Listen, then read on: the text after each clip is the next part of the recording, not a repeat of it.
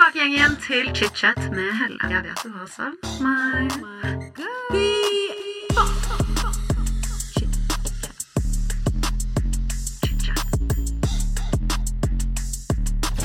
Velkommen tilbake til chit-chat, dere. Som du ser i overskriften, så er dette del to med Lise. Og dette her blir også en prat om økonomi. Men hvis ikke du har hørt på del én, så vil jeg anbefale deg å gjøre det først. I dagens episode så snakker vi selvfølgelig om sparetips og hvordan be om høyere lønn. Mange kule aspekter rundt privatøkonomi.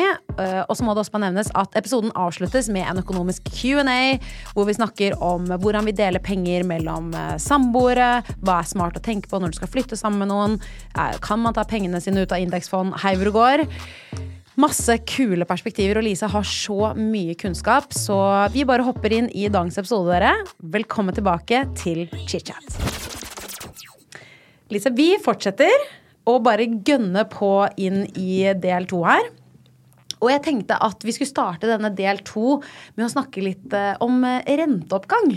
Yes, For eh, renter er jo noe det står om i media hele tiden. Og for mange, inkludert meg selv, det er jo ikke helt å bli klok av. Kan ikke du fortelle meg litt om hvorfor renten går opp og ned i utgangspunktet? Oi. Jeg er jo ikke ekspert på det her, det må jeg bare si. Men uh, hvorfor renta går opp? Det er fordi renteøkning er det verktøyet Norges Bank har for å styre den norske økonomien. Så nå har vi en inflasjon som går opp og opp og opp av flere grunner. Eh, og det kan ikke Norges Bank gjøre noe med. De kan ikke si til alle bedrifter nei, nå må dere senke prisene deres. Det følger liksom sitt eget eh, løp som det skal. Men det Norges Bank kan gjøre, er å sette opp renta. Og, når, eh, og det som er bra med Norge og det verktøyet, er at veldig mange i Norge har eh, flytende rente på boliglånet. Så med en gang de setter opp renta, så må alle vi som har flytende boliglån, bruke mer penger på renter. Og har da mindre penger å shoppe andre ting for. Og da kan ikke bedriftene fortsette å prise varer høyere og høyere og høyere, fordi vi har ikke mer kjøpekraft. Da blir det etter hvert sånn at de må sette prisene ned, eller i hvert fall holde de der det er, for at vi skal gidde å fortsatt kjøpe den smoothien, selv om den koster over 100 kroner nå. Så det er en måte å styre landets økonomi på. Ja, det er det. Ikke sant, ikke sant. Men sånn som nå, da, som renten går opp, og det er som man hører at det er sånn, da, nå skal renta mest sannsynlig opp en gang til. Hvem er det som bestemmer hvor taket er på dette, og når den skal gå ned igjen? Hvordan funker det? Ja. Eh, det er jo Norges Bank. De har jo en hel sånn gjeng som har sånne rentemøter. De, for det her påvirker så mye. Det påvirker kronekursen og arbeidsledigheten. Som sagt, jeg er ikke ekspert på det her, men det påvirker så mye. Så der er det bra folk som veit liksom om sitt område, og så blir de enige. Ofte så er det sånn, ja, hvis vi setter opp renta nå, så vil jo også arbeidsledigheten øke. Så det er liksom positive og negative ting med det, men de eh, gjør det de mener er best totalt sett. Eh, og jeg tenker også at det er veldig bra at de sier hva de skal gjøre neste gang. De vet jo ikke, men de tenker, eh, forbereder oss på at det blir flere renteoppganger. Fordi mange kan jo tenke sånn ah, nå ble den høy, den går sikkert ned igjen neste måned. Nei, den går ikke ned igjen neste måned. Eller annenhver måned er det de har disse møtene.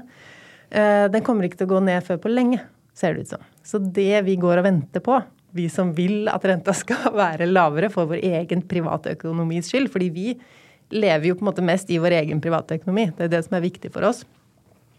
Eh, vi venter ikke på at renta skal gå ned, vi venter på at den skal slutte å øke. Ja, ikke sant? At den skal, ok, nå blir den fire, fire og en halv, men da håper vi at den ikke blir fem, seks, sju. ikke sant? Eh, og tak, det finnes ikke noe tak. Det, renta kan være 30 den. Å, herregud! Det håper jeg virkelig ikke. Da Det er alt som på kredittkort. Kredittkortet ditt har sikkert 30 rente. Er det så høy rente på kredittkort? Millions of people have lost weight with personalized plans from Noom, like Evan, who can't stand salads and still lost 50 pounds. Salads, generally, for most people, are the easy button, right? For me, that wasn't an option. I never really was a salad guy. That's just not who I am. But Noom worked for me.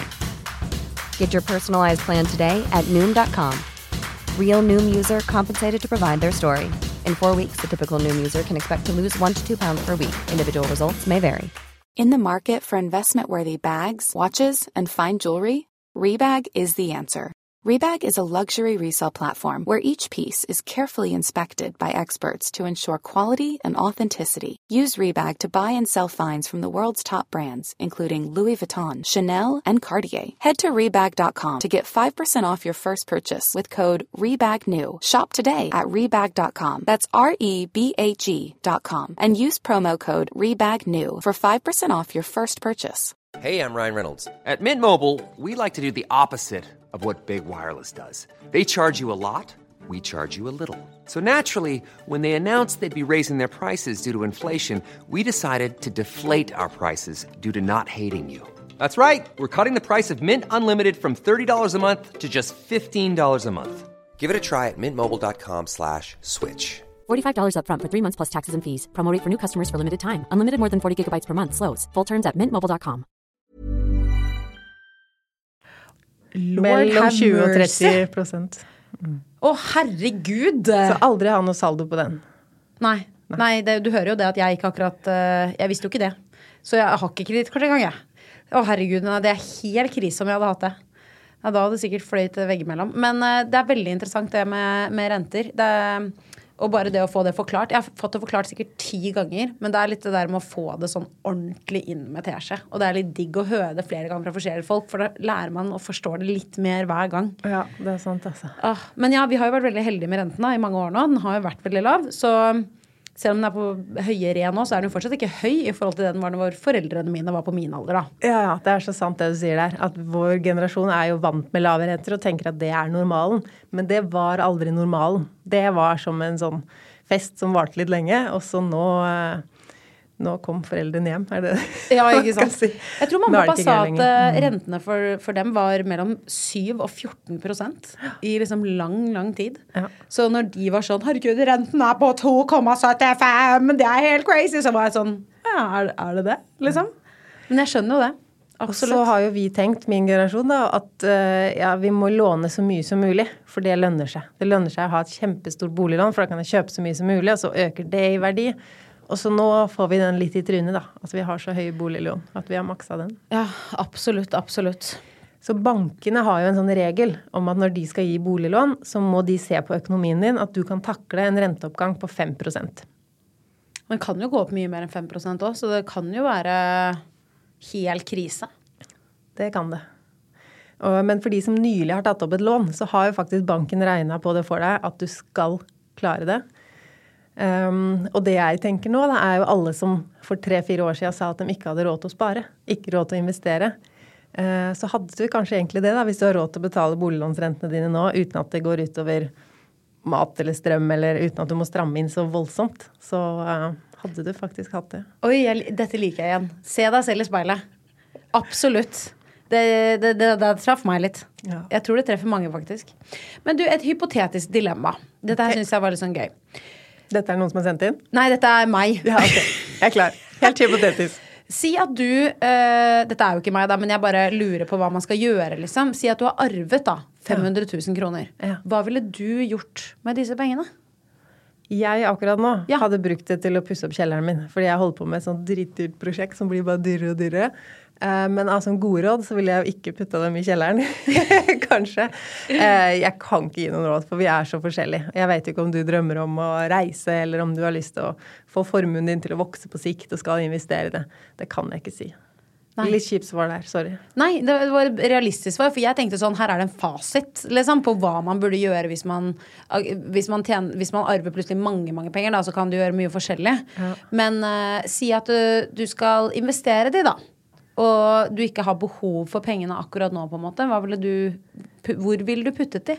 Jeg putter alle mine investeringer i globale indeksfond, jeg. Ja, så, Det er samme der igjen. så det er samme svar som egentlig del én, med tanke på fond og hvordan man investerer i fond? Ja. Ja. Kan jeg spørre deg, hvor mye eh, månedlig sparer du i ditt indeksfond? Fordi jeg nå driver med den kjelleren, så har jeg satt trekket mitt ned til 1000. Eh, Men før så sparte jeg 20 000 i måneden. Ikke sant? Så Det er jo for- helt sinnssykt.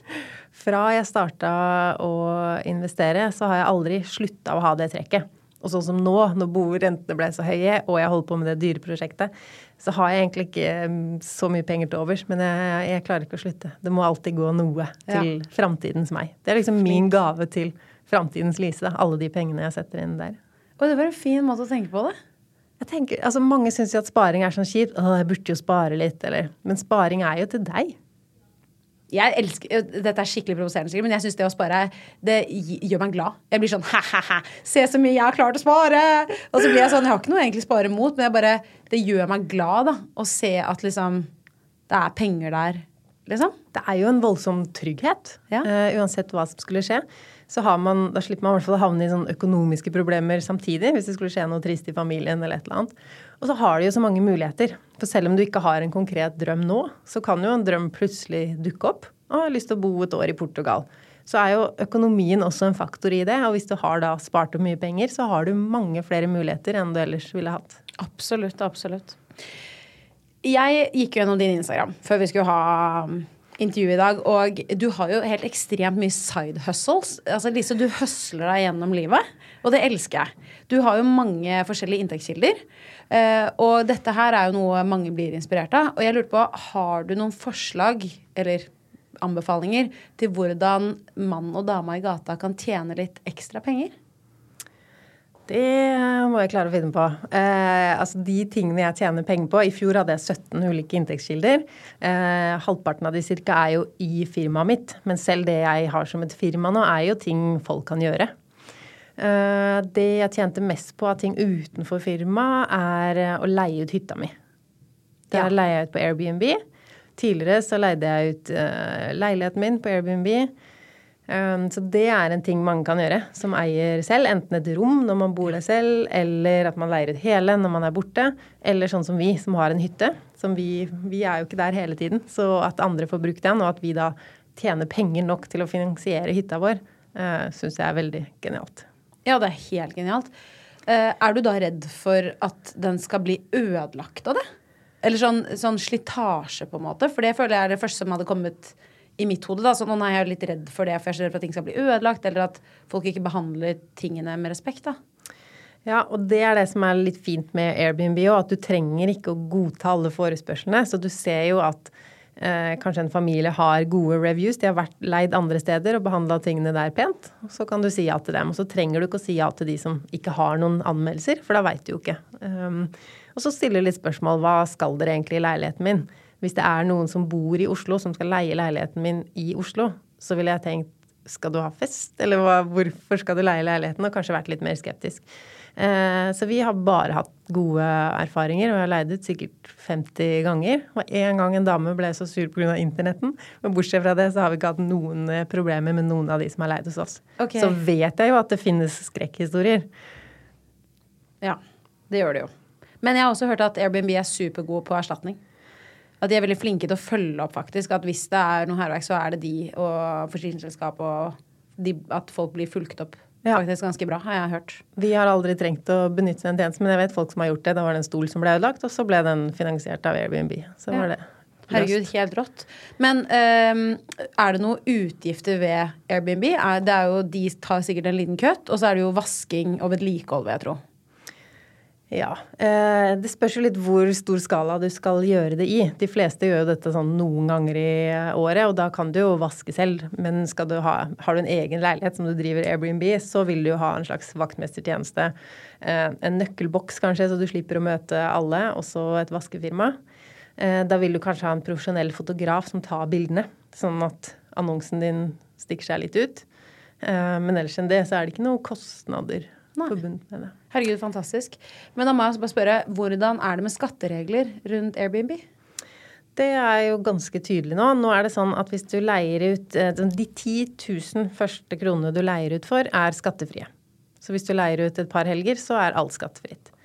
Og fra du bikker 10 000 og oppover, så betaler du 22% av 85% Det skjønte jeg ikke. Nei. Fordi du kunne laga et regnestykke hvor du sa sånn jeg bruker så mye på renhold, jeg tenker at hvert tiende år må jeg bytte sofaen der, og alt, alle disse tingene som går inn i regnestykket med utleien. Eh, men isteden så har skatteetaten sagt at vi tar 15 eh, 15% av det du tjener, bruker du på ting til å drifte Airbnb-businessen din, da, kan Altså du et fast avdrag på en måte på Ja, så Ja. derfor sier de at du skatter ikke av de 15 prosentene, du skatter av 85% Etter de 10 000 skattefrie, da. Så av de eh, 85 prosentene, så skatter du. Og da er skattesatsen i fjor i hvert fall 22% Oi, Legger du da dette inn i skattemeldingen din på slutten av året? Ja. Og der ser du det regnestykket ganske tydelig òg. hvilke tall, og hvordan det blir trukket fra, og så På fasiten. Eh, jeg, jeg blir jo litt redd da når man hører sånn skal man plotte inn dette selv i skattemeldingen sin. Det kan jo høres litt skummelt ut for enkeltpersoner, men, eller sånn som meg. Men uh, er det lett å gjøre det?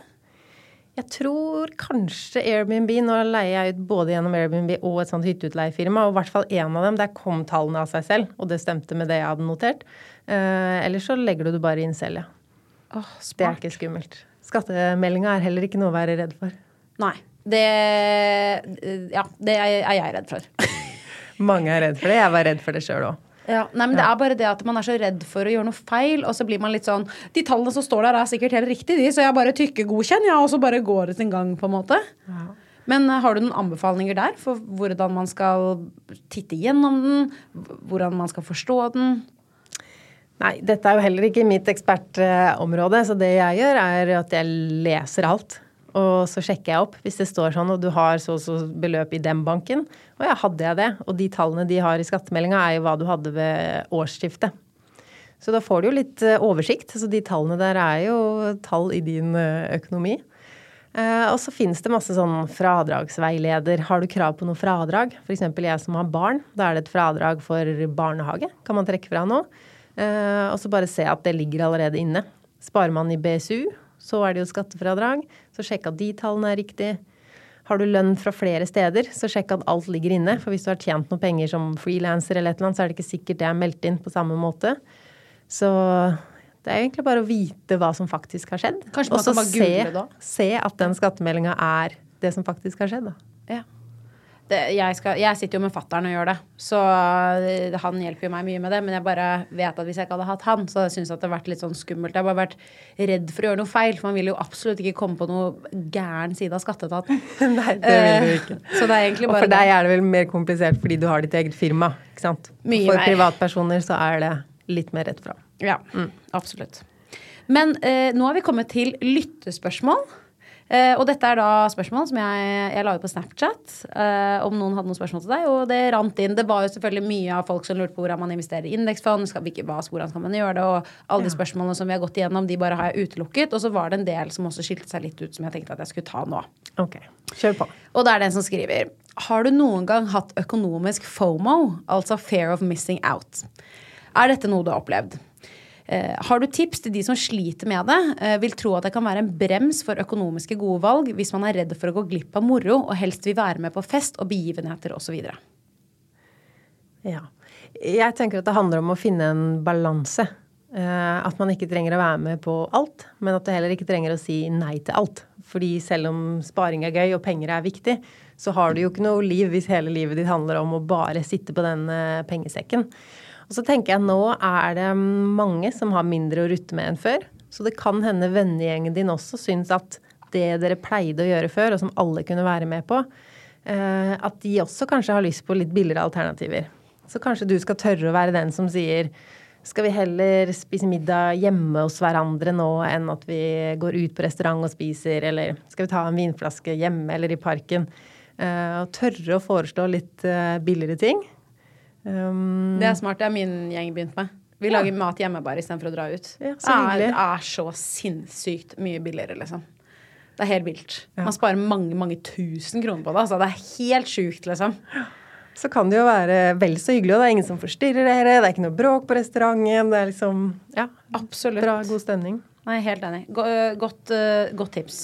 Den her er jo litt det jeg snakket om i sted, men um, tips til å slutte å shoppe unødvendige ting. In the market for investment worthy bags, watches, and fine jewelry, Rebag is the answer. Rebag is a luxury resale platform where each piece is carefully inspected by experts to ensure quality and authenticity. Use Rebag to buy and sell finds from the world's top brands, including Louis Vuitton, Chanel, and Cartier. Head to Rebag.com and get up to 15% off your first purchase as a member with code REBAGNEW. Shop today at Rebag.com. That's R E B A G.com. And use promo code REBAGNEW for up to 15% off your first purchase as a member. Here's a cool fact a crocodile can't stick out its tongue. Another cool fact you can get short term health insurance for a month or just under a year in some states. United Healthcare short term insurance plans are designed for people who are between jobs, coming off their parents' plan, or turning a side hustle into a full time gig. Underwritten by Golden Rule Insurance Company, they offer flexible, budget friendly coverage with access to a nationwide network of doctors and hospitals. Get more cool facts about United Healthcare short term plans at uh1.com. Want to get a chiseled look in the jawline? Sculpt and shape your jawline with added volume from Juvederm Volux XC. Juvederm Volux XC is an injectable gel specifically designed to be robust enough to improve moderate to severe loss of jawline definition. And it is the first and only hyaluronic acid filler approved for the jawline. Add volume to your jawline for a chiseled look with Juvederm Volux XC. For important safety information and to find a licensed specialist, visit juvederm.com. That's J U V E D E R M.com. Not for people with severe allergic reactions, allergies to lidocaine, or the proteins used in Juvederm. Common side effects include injection site redness, swelling, pain, tenderness, firmness, lumps, bumps, bruising, discoloration, or itching. There's a risk of unintentional injection into a blood vessel, which can cause vision abnormalities, blindness, stroke, temporary scabs, or scarring. Talk to a licensed specialist to find out if it's right for you. Visit juvederm.com. That's J U V E D E R M.com. Det er jo bare slutte å shoppe! Ja. Sorry, eller er, det er jeg så er, Nå nå var jeg kjip. Ja, eh, grunnen til at hun eller han har sendt spørsmålet, er jo for at det ikke er bare å slutte å shoppe. Selvfølgelig. Eh, så kan du gjøre en mellomting. Kan du si sånn at jeg kjøper ingenting eh, i ukedagene, men jeg kan kjøpe noe, shoppe noe i helgen. Eller jeg skal ikke shoppe noe nå i oktober, men jeg kan kjøpe noe i november. Så klarer du å utsette eller skyve på et eller annet. Eller kan du lage deg et shoppebudsjett? Hvis du ser hvor mye brukte du på shopping, altså shopping av unødvendige ting, da, som hun selv har sagt. All infoen ligger jo i nettbanken eller på kredittkortutskriften. Der ligger det linje for linje. Da kan du se, bruke en sånn utgulingstusj og se det var klær, det var noe interiør. Alt som har vært shopping, og så ser du å ja, da brukte jeg 2000 kroner på det forrige måned og 6000 måneden før der. Kanskje jeg skal si maks 1000 da denne måneden. Det var veldig smart. Sånn at man også på en måte var sånn Ok, nå vet jeg at jeg har et fast budsjett til å bruke på én interiørting, da, eller to typer klesplagg i måneden, eller hvis man har veldig lyst til å shoppe det, på en måte. Det er ikke sikkert at man trenger å nekte seg alt. Nei. Men bare det å vite at jeg har den tusenlappen jeg kan bruke, at da kan man bli litt mer sånn selektiv. Ja, kanskje jeg ikke velger det, eller kanskje jeg til og med ender med å spare den tusenlappen over til neste måned, for da har jeg 2000 kroner, da kan jeg kjøpe den stolen eller hva det skulle være. Eh, Så sett deg en sånn ramme. Jeg likte også det du sa om at man kan legge det til en spesiell dag, fordi da blir det litt noe å se frem til. Fordi jeg er veldig sånn som liker å ha en gulrot å se frem til i hverdagen. Så hvis man er sånn å, fredag etter jobb, da skal jeg gå og kjøpe den tingen, eller da skal jeg unne meg det, fordi da blir det litt sånn ekstra stas, for da trenger man kanskje ikke shoppe så mye på tirsdag på vei hjem, eller torsdag når, før man skal et eller annet. Da blir det sånn, «Å, men det, det er det jeg skal på fredag, og det blir gøy. Og da blir ting litt mer spesielt òg, for det er jo ting som man liker og syns er digg, om det er den kaffelatten caffè latten på morgenen, eller om du liker å ta en solo i lunsjen, eller hva det er. Hvis du gjør det annenhver dag da, istedenfor hver dag, så blir jo høydepunktet også større. Da kan man glede seg enda mer over den soloen, tenker jeg, da. Når det ikke er sånn ja, det blir bare vane til slutt. Legger man egentlig merke til det? Koser du deg egentlig med den kaffen, eller er det bare sånn jeg gjør alltid det, så da bare gjør jeg det. Um, hvis du prøver å stoppe med det en uke, eller liksom ta annenhver dag eller noe, så blir høydepunktet litt større. Smart. Neste spørsmål. Burde jeg løse ut fondssparingen min nå? Grunnet tingenes tilstand, eller bare la det stå? Vil jeg miste investeringen, eller bare tjene mindre en stund? Hvis man hadde visst hva framtiden skulle bringe, så kunne man gitt noe råd her. Det som er den største risikoen, er at hvis du selger deg ut, så blir fonda dyrere. Så neste gang du skal investere, så betaler du mer for det du egentlig allerede hadde. Så har man et langsiktig perspektiv, så anbefales det aldri å drive og time. Da har du investeringene, og så holder du på de, istedenfor å gå inn og ut. Fordi altså mange sitter jo og trader og tjener store penger på um, aksjespekulering. Men da er det spekulasjon, ikke investering. Da spekulerer de at aksjer skal gå opp og ned, eh, og hver gang du gjør det, så må du treffe riktig to ganger. Du må både selge eh, når det er dyrt, sånn at du har tjent penger, og så må du finne et tidspunkt å kjøpe deg inn på som det er billig. Det er vanskelig. Det er vanskelig å gjøre det to ganger, i hvert fall. ja. ja. Det, jeg har aldri tenkt på at du må på en måte treffe to ganger. Jeg har alltid tenkt sånn, du må bare, du må bare fikse det en gang. Men det er veldig godt å høre deg si det, for det setter det også litt i perspektiv på at det er enda mer urealistisk at du kommer til å få det til. Jeg veit at jeg ikke er så smart, i hvert fall. Eller så flink til akkurat det der. Så jeg bare investerer i det samme, og så lar jeg det stå. Smart. Mm. Godt innspill. Ok, neste spørsmål. Har du noen gode tips når man blir samboere og skal flette sammen økonomien? Ja. Eh, det første er å snakke om penger. Og gjerne før man blir samboer òg, men hvis man ikke har gjort det før det, så er det samboergreia i hvert fall et bra tidspunkt for å ta opp det her med penger. Hvordan gjør vi det med penger? Fordi i veldig mange forhold så er det sånn at med mat f.eks., hvem som drar kortet og sånn, begge syns de har bidratt mest. Å oh ja, er det en ting? Det er en ting. Begge syns de drar kortet mest, eller de gangene de drar, så er det dyrere summer. Så hvorfor ikke bare ha en sånn ordentlig ordning på det? Det virker skikkelig uromantisk å ha et felleskort eller et Vipps-oppgjør eller hva man driver med, men det sikrer jo på en måte at begge ser akkurat hva man har brukt, akkurat hvem som har betalt for hva.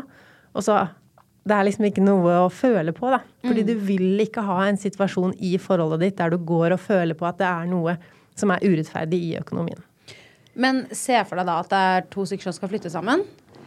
Hva vil du si er den beste løsningen økonomisk, sånn helt fra scratch? Det kommer veldig an på deres økonomiske utgangspunkt. Så ja. det beste er jo så klart de har like mye sparepenger, de tjener akkurat det samme. Helt urealistisk. Jeg hørte det når du sa det nå. Eh, for da er det jo veldig lett. Hvis de skal kjøpe seg en leilighet, da går det inn 50-50, og så betaler de ned lånet med sin lønn. Men i mange tilfeller så er det jo skeivt. Enten at eh, og da er det jo det beste hvis det er den som har mye egenkapital, tjener mindre, mens den som ikke har så mye egenkapital, tjener mer. Fordi da får man det til å jevne seg ut. Mens i noen tilfeller er det jo sånn at den som har mest penger, tjener også mest. Sånn at den andre parten Det er liksom ikke noe sånn at vi ser at om noen år så kommer dette her til å stabilisere seg. Så da må man jo bestemme. Og det handler egentlig bare om hva dere to syns er rettferdig. Ikke hva jeg syns er rettferdig, eller hva folk flest gjør, men hva dere to syns er rettferdig. Noen syns det er rettferdig å betale ting 50-50 uansett. Og det gjør jo at hun som da tjener mest, kan dra på flere jenteturer, shoppe mer, eller investere mer, eller gjøre noe sånt. Um, og noen syns det er rettferdig at man går inn etter inntekt. Det jeg har gjort med mitt ekteskap, er at jeg eier bare 40% av huset. Og så eier mannen min 60% av huset. Det førte til at vi fikk akkurat likt lån. Sånn at vi fra måned til måned, fordi vi tjener ganske likt, så har vi akkurat lik økonomi. Så hele forskjellen ligger i den eierbrøken, eh, og ikke noe vi merker i hverdagen. Ok, Men da er dere heldige, da, for det er jo ganske Det ble jo veldig likt. Jeg føler jo ofte at det er sånn at Nå tar jeg det skikkelig stereotypisk. Det er veldig ofte at det er eh, gutten tjener litt mer, Eh, og har litt bedre inntekt enn de fleste av venninnene mine. Og de eier kanskje eh, mellom 20 og 30% av boligen, og han eier resten. Har jeg lagt merke til, i hvert fall blant mine bekjente. Um, syns du da det er fair at dama Si man eier 20% av bolig, da. Syns du da det er fair at dama da betaler 20% av fellesutgiftene også? Eller at skal man dele det 50-50, for man begge bor under samme tak? Eh, jeg ville delt det 50-50, eh, men igjen så har det ikke så mye å si hva jeg syns er rettferdig, fordi det er de to partene som må snakke om det og bli enige. Og forhåpentligvis så greier de å finne en løsning. Og jo mer man prater om penger, jo lettere er det å bli enige om ting, og man finner sine egne måter. Det finnes ikke sånn en perfekt oppskrift for parforholdet og økonomi, hvordan man skal gjøre det. Det er så mange ting. Så det handler om å finne ut hva syns jeg er rettferdig, og tørre å prate om penger. Og hvis enten man har flytta sammen eller ikke og syns det er vanskelig å, Skal jeg begynne å prate om penger, liksom? Hva Er jeg grisk eller gjerrig, eller hva er liksom eh, Så begynn å snakke om noe positivt med penger, da. Hva man sparer til, eller og hvis vi skulle reise på en ferie, hvis vi skulle reise jorda rundt, eller hvor vil du reise først? Og så begynte å først se på noen sånne spa, felles sparemål. Og så sett på de faktiske løsningene som blir å ja, kanskje vi skal leie ut din leilighet og flytte sammen i min. Og så er man plutselig inne i den pengepraten på en positiv måte, da. Ikke at det er sånn jeg er opptatt av å ikke betale én krone for mye når Ja. vi dater her nå. Du vil ikke være den.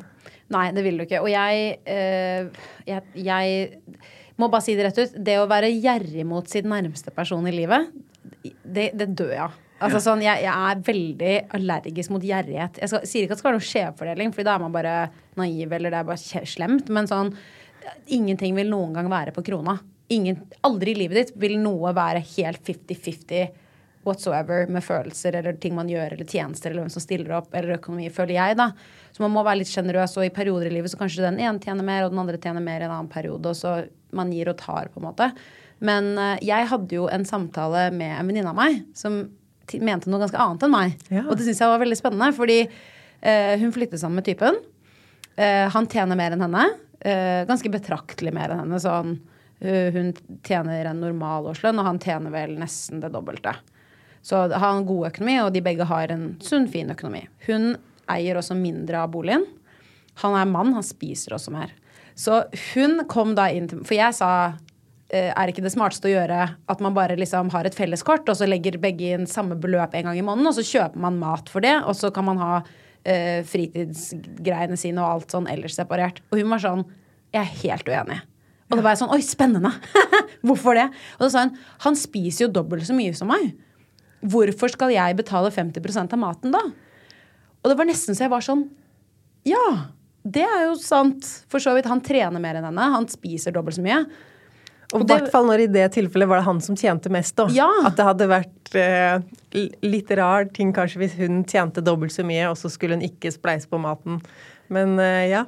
Akkurat helt enig. Så det, det, det, egentlig det jeg prøver å komme frem til, er bare det at det, det er som du sier, at økonomi er så forskjellig.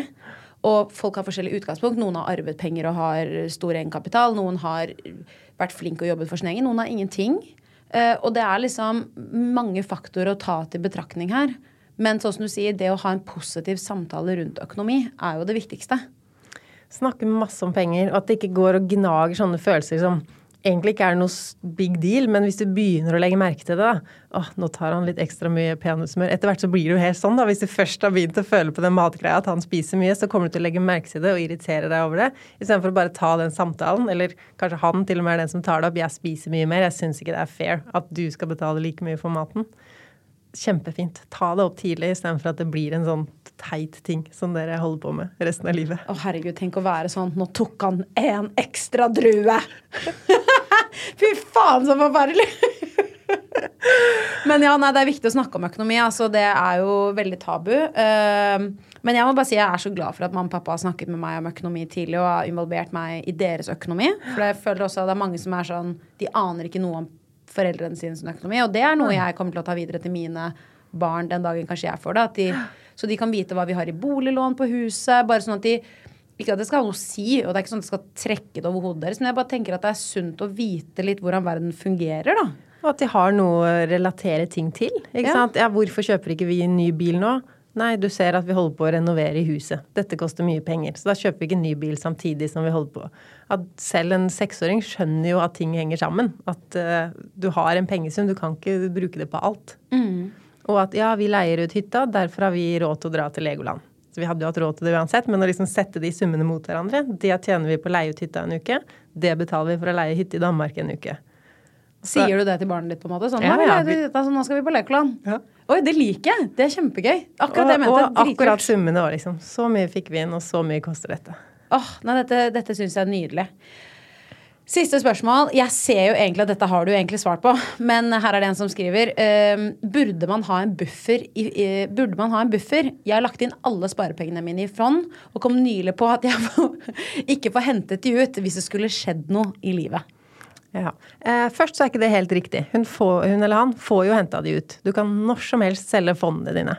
Ja. Så det eneste du vil unngå Nei, unnskyld, det var jeg som leste feil. Her står det jeg har lagt inn alle sparepengene mine i fond, og kom nylig på at jeg ikke får hentet de ut like fort Ja, som jeg men du får henta det ut på en dag eller to. Så oh, ja. det går ganske fort å få ut pengene av fond. Det eneste er da, hvis det skjer et eller annet i nyhetsbildet i morgen, og alle fond raser 50% i verdi, den dagen vil du ikke ta det ut. Da vil du vente til det har vokst igjen. Så derfor er det fint å ha bufferen eh, utenfor.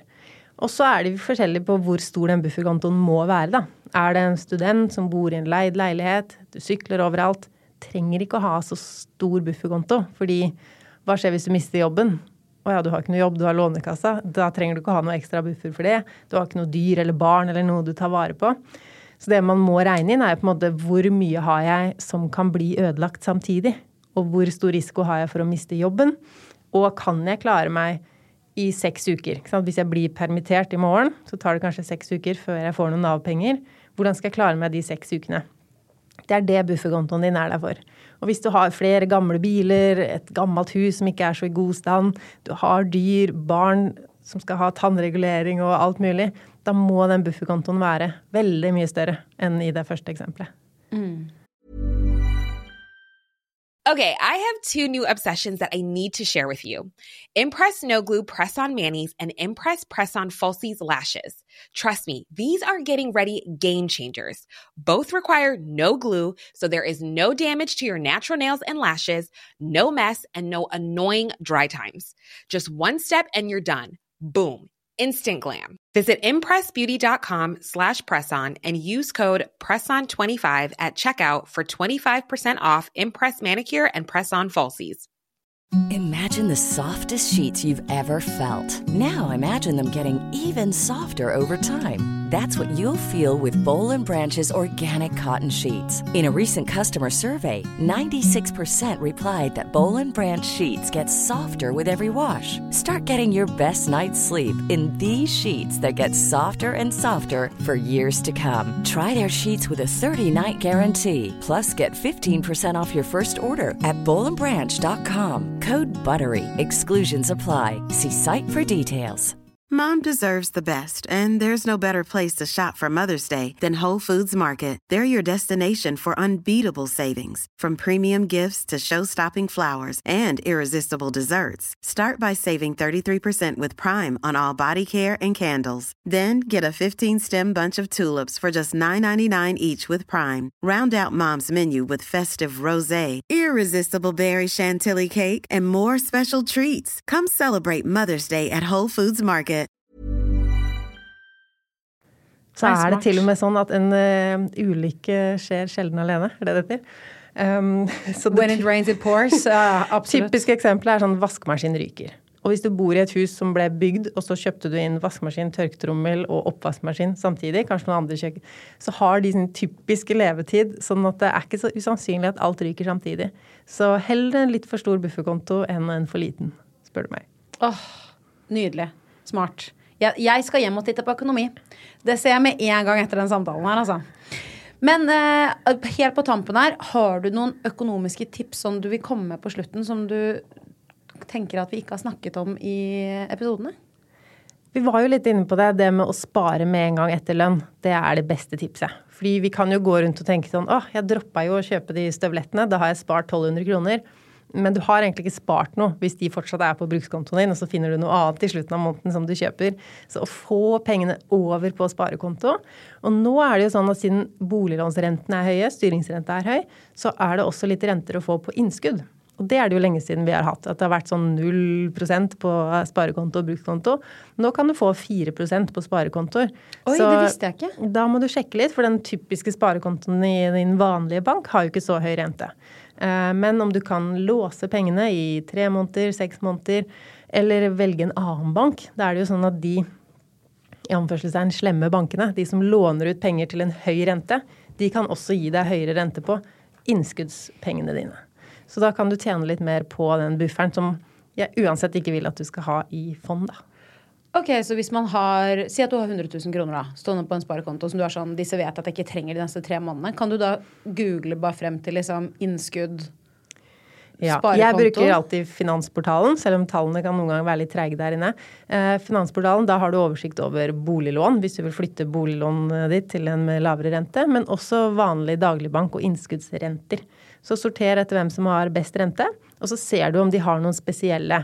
At du må være medlem i en forening, eller du må være ung, eller om du da må låse det i to år. ikke sant? Du kan ikke låse bufferkontoen din i to år, eh, men du kan kanskje låse halvparten av det i én måned eller tre måneder, da. Fantastisk smart. Dette her skal jeg sjekke ut. Det ante jeg ingenting om. Aldri hørt om. Hva het det? Finansportalen? Finansportalen, ja. Og der er det oversikt over alle Jeg tror jeg er Forbrukerrådet eller noe sånt, så det er en ordentlig side som da rangerer alle, alle banker etter ulike ting, da. Herregud, fantastisk. Så finner du den beste renta, så selv om du ikke får investert pengene, så får du i hvert fall litt avkastning på det. Selv om det fortsatt er lavere enn inflasjonen akkurat nå, da. Og det er det, ja?